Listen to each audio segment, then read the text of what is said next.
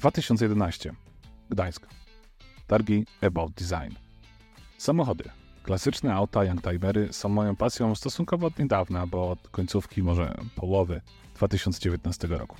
A w 2011 były mi zupełnie obojętne. Internet niczego nie zapomina, w przeciwieństwie do pamięci ludzkiej. Pisząc ten tekst pamiętałem, że w marcu 2011 roku byłem na targach, ale nie pamiętałem ich nazwy. W mgnieniu oka, wpisując w wyszukiwarkę skrawki tego, co pamiętałem, odnalazłem tą imprezę. A niestety widzę, że od jakichś 10 lat już jej nie ma. Ale o tym, że miałem tam prezentację na tej samej scenie, co pan Tadeusz Jelet, designer w Jaguarze, to internet też zapamiętał. Tyle, że ja mówiłem o programach do projektowania w 3D i wizualizacji. I na tych targach spotkałem sporo ludzi.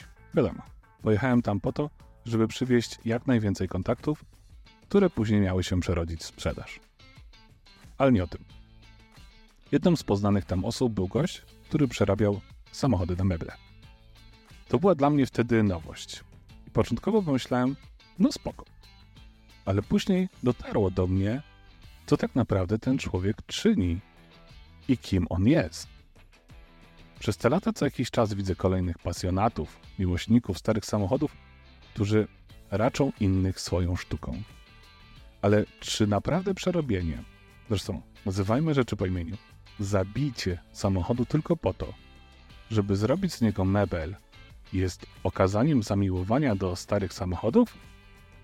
Pomijam już fakt, że wygląd takich mebli, czy ich wygoda jest, no, mocno kontrowersyjna.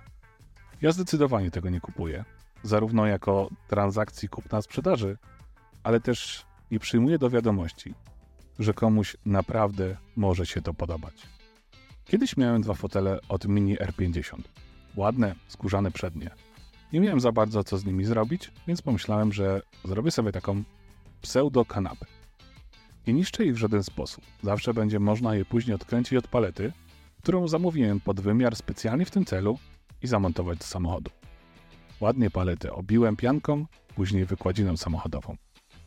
Muszę przyznać, że jak na pierwszy raz to wyszło mi całkiem dobrze. Byłem z siebie naprawdę zadowolony. Ale okazało się, że ten mebel jest totalnie bezużyteczny. Był mega niewygodny. Stał więc kilka miesięcy, po czym fotele sprzedałem, a podstawa poszła na śmietnik. A co ma powiedzieć osoba, która potnie samochód na taką pseudo-kanapę? Czy grill? Bo i takie widziałem wynalazki. Albo barek na alkohol.